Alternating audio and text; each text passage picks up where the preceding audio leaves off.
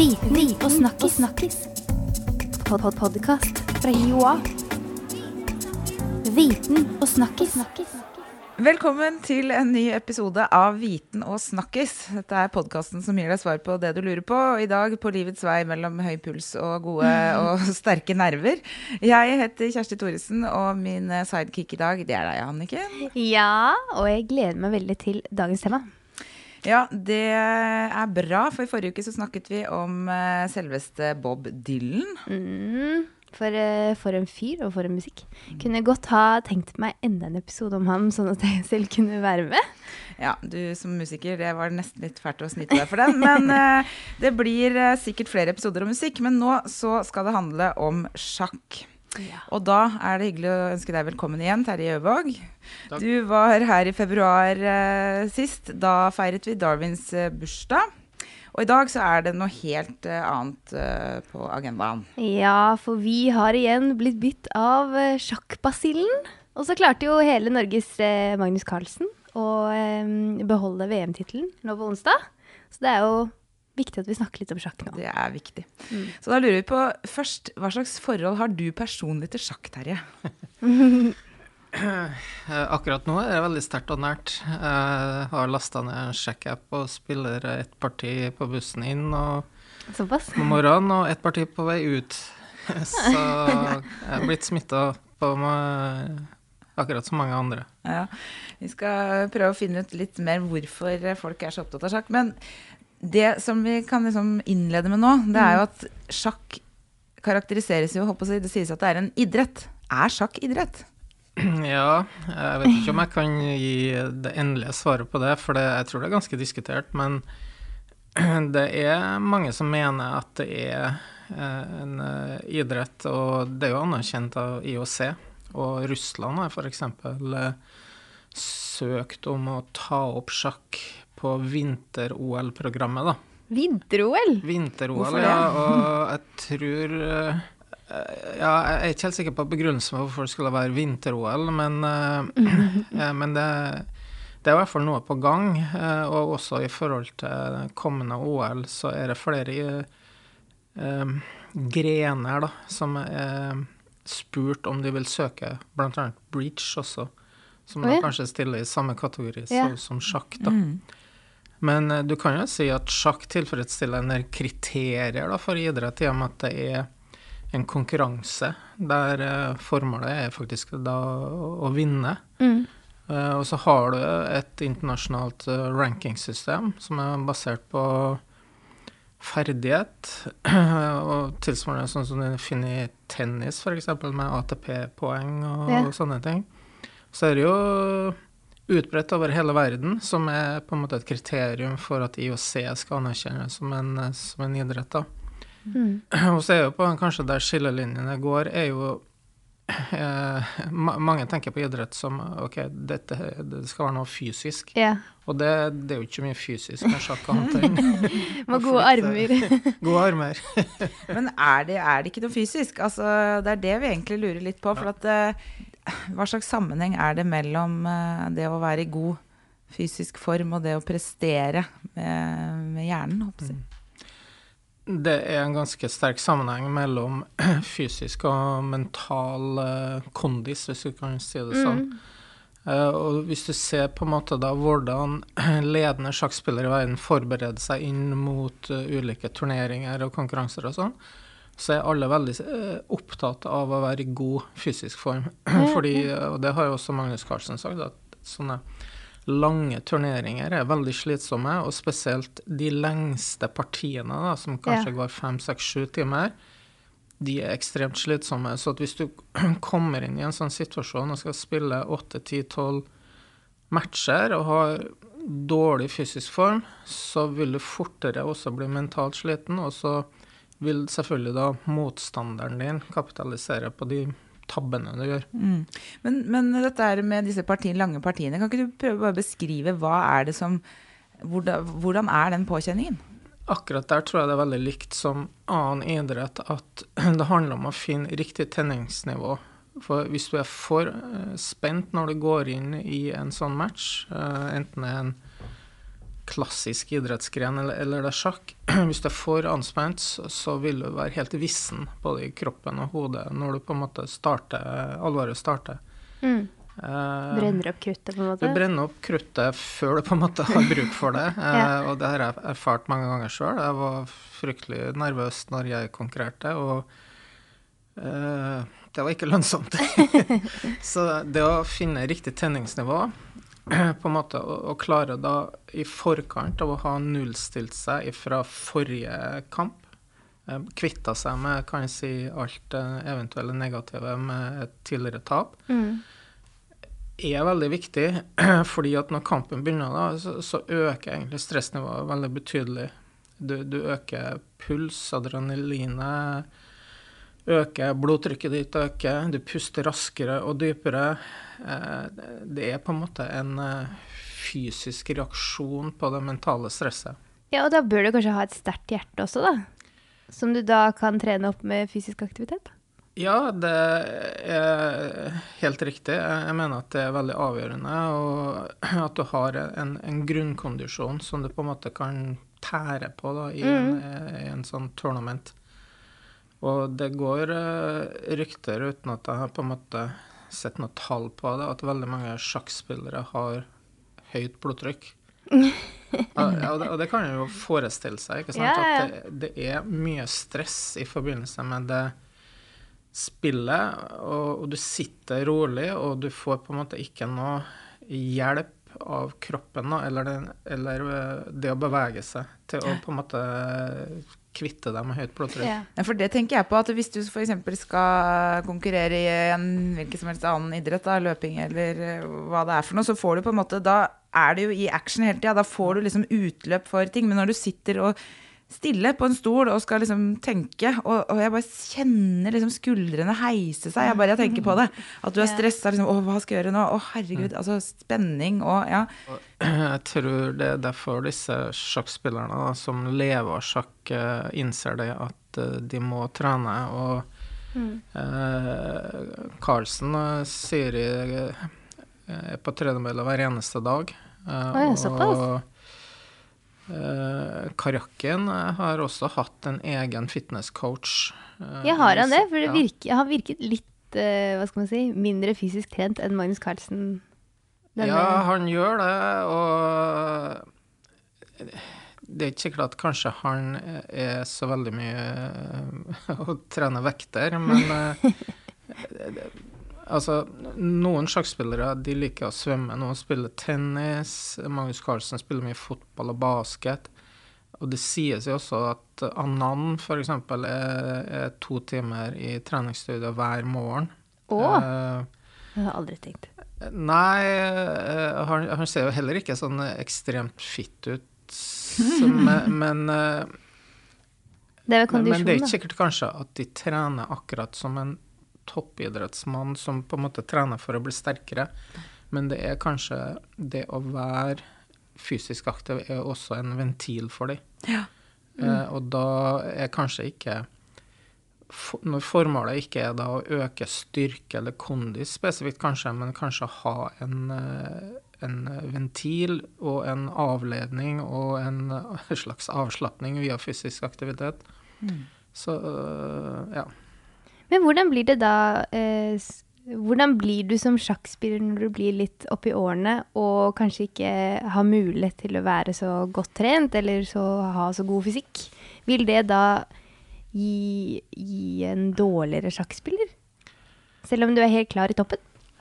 Ja, altså det gikk noen samtaler her på at da, jeg om det var Kramnik, da han spilte mot Magnus Carlsen om å få lov til å være i kandidatturnering, da, da som skulle møte Anand, så hadde egentlig både Kramnik og, og Carlsen forberedt seg veldig godt fysisk, trent ganske mye i forkant. Mm. Men eh, da var Magnus 22 år, og Kramnik var 7-38. Og så var det en diskusjon da om uh, Kramnik tapte på alderen. Og såpass! Ja. Ja, eh, fordi at i det siste partiet der, så Han spilte mot Carlsen, da, så gjorde han noe uforklarlige tabber som man normalt aldri gjør. Eh, og da ble det straks noen diskusjoner da, om, om det var alderen da, som tok mm. Kramnik. da. Men er det sånn, for man sier jo det at, eh, at eh, kroppen er på sitt, mest, altså på sitt beste når det gjelder å være sånn, ja, toppidrettsutøver. Eksempel så er man på sitt beste når du er en eller annen tidlig 20-åra eller whatever. Mm. Er, det, er det det samme med hjernen?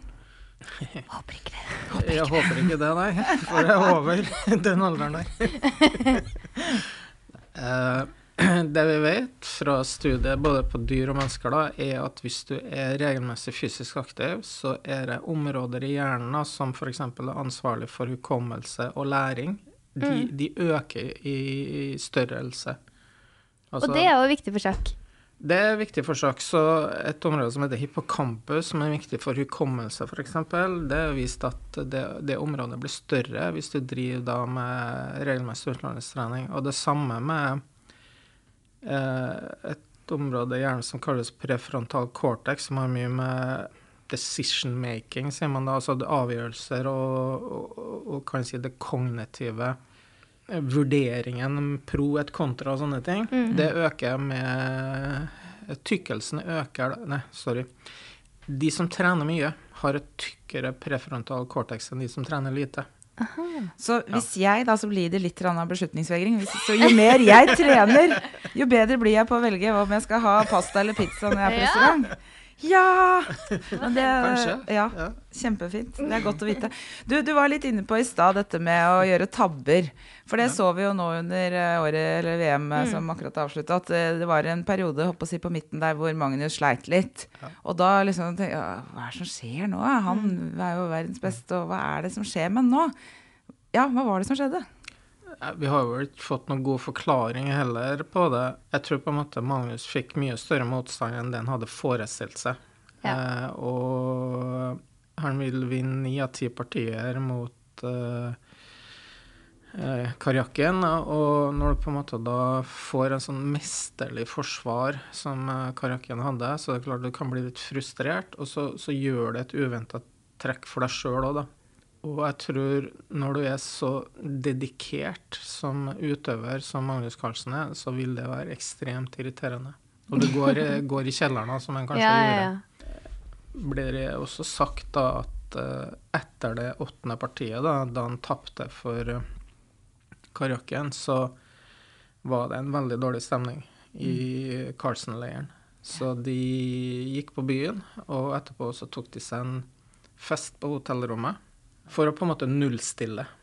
Og det er det som idrettsutøvere må gjøre hele tida, som konkurrerer regelmessig. De må på en måte kvitte seg med slaget, nullstille, og så møter de på en måte med en, en ny dag med nye muligheter eh, mm. neste turnering. Ja, det vil jeg jo påstå at gjelder for de fleste av oss. Har du hatt en skikkelig kjip dag på jobben, så må du på en måte bare kaste det bak deg for å klare å, å prestere. Ja. Ja, men, det, men, evnen til å nullstille eh, og komme seg videre, den, den er veldig varierende. Mm. Så, ja. ja. Men vi så jo også at uh, da de spilte hurtigsjakk, så var jo Carlsen noe uh, bedre enn motstanderen sin. Det, kan det ha noe å si? Uh, nei, kan det ha, være basert på fysisk styrke? Så når du ja, skal gå litt altså, fortere? Jeg tror på en måte Dess lenger en turnering varer, dess bedre utbytte har du av at du har god kondis, f.eks. Mm. Uh, du har mer å tære på. Men det jeg la merke til også Karjakken sa, var jo det at han hadde ikke greid å omstille seg. Ja. Fra klassisk sjakk til, til hurtigsjakk. Mm. Så han var litt uh, bakpå i de mentale forberedelsene. Mm. Du, jeg bare lurer på en ting til. Altså, hvis du, hvis du eh, er en løper eller en sprinter, så, så, så løper du jo. Og det, det, gjør du jo på en måte helt av deg sjøl omtrent. Altså, det går jo nesten automatisk. Og når du skal spille sjakk, så bruker du hjernen, og da alt det han, Magnus Carlsen og de andre kan da, det kommer jo også sikkert mye automatisk, for dette er jo de trent på lenge. Da blir jo på en måte hjernen din viktigste muskel, for å si det sånn. Mm. Men, men, vi har jo alle opplevd å få jernteppet bare detter ned. Altså, skjer det for dem noen gang? At de liksom bare sitter og ser på brettet og nå aner jeg faktisk ikke hva jeg skal gjøre? Jeg tror vel kanskje det er det en del av sjakkspillet går ut på, da. At de vil prøve å den som gjør et trekk, vil av og til prøve å gjøre uventa trekk for å på en måte sette motstanderen i en posisjon der at den ikke aner hva han skal gjøre. Mm. Og det kan jo kanskje sammenlignes litt med, med, med jernteppet. Men det er klart, på det nivået der, da, så, så har du jo analysert så mange partier at de vil jo ganske de, I de fleste tilfeller så har de e- et eller annet De klarer å manøvrere seg Ja, de klarer å manøvrere seg ut fra vanskelige situasjoner, men hvis du gjør sånn som Magnus da, av og til gjør noe trekk som på en måte ikke er spilt før, da er det klart at da kan teppet gå ned for godt. Mm. For da har ikke du på en måte noe å stille opp med av, av motsvar, da. Karjakin, han eh, snakket jo om dette etter den siste kampen. At han plutselig bare glemte alt han hadde forberedt seg på. Ja, og igjen en likhet med idrett, da, at eh, du kan jo ha den perfekte eh, plan Mm. helt til du møter i konkurranse.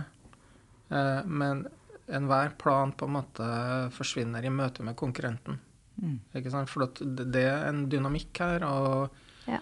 eh, Sånn at eh, du kan være forberedt så godt du bare vil, men hvis motstanderen gjør noe du ikke hadde regna med, så, Så, det så er den planen død. Ja, det er veldig sant.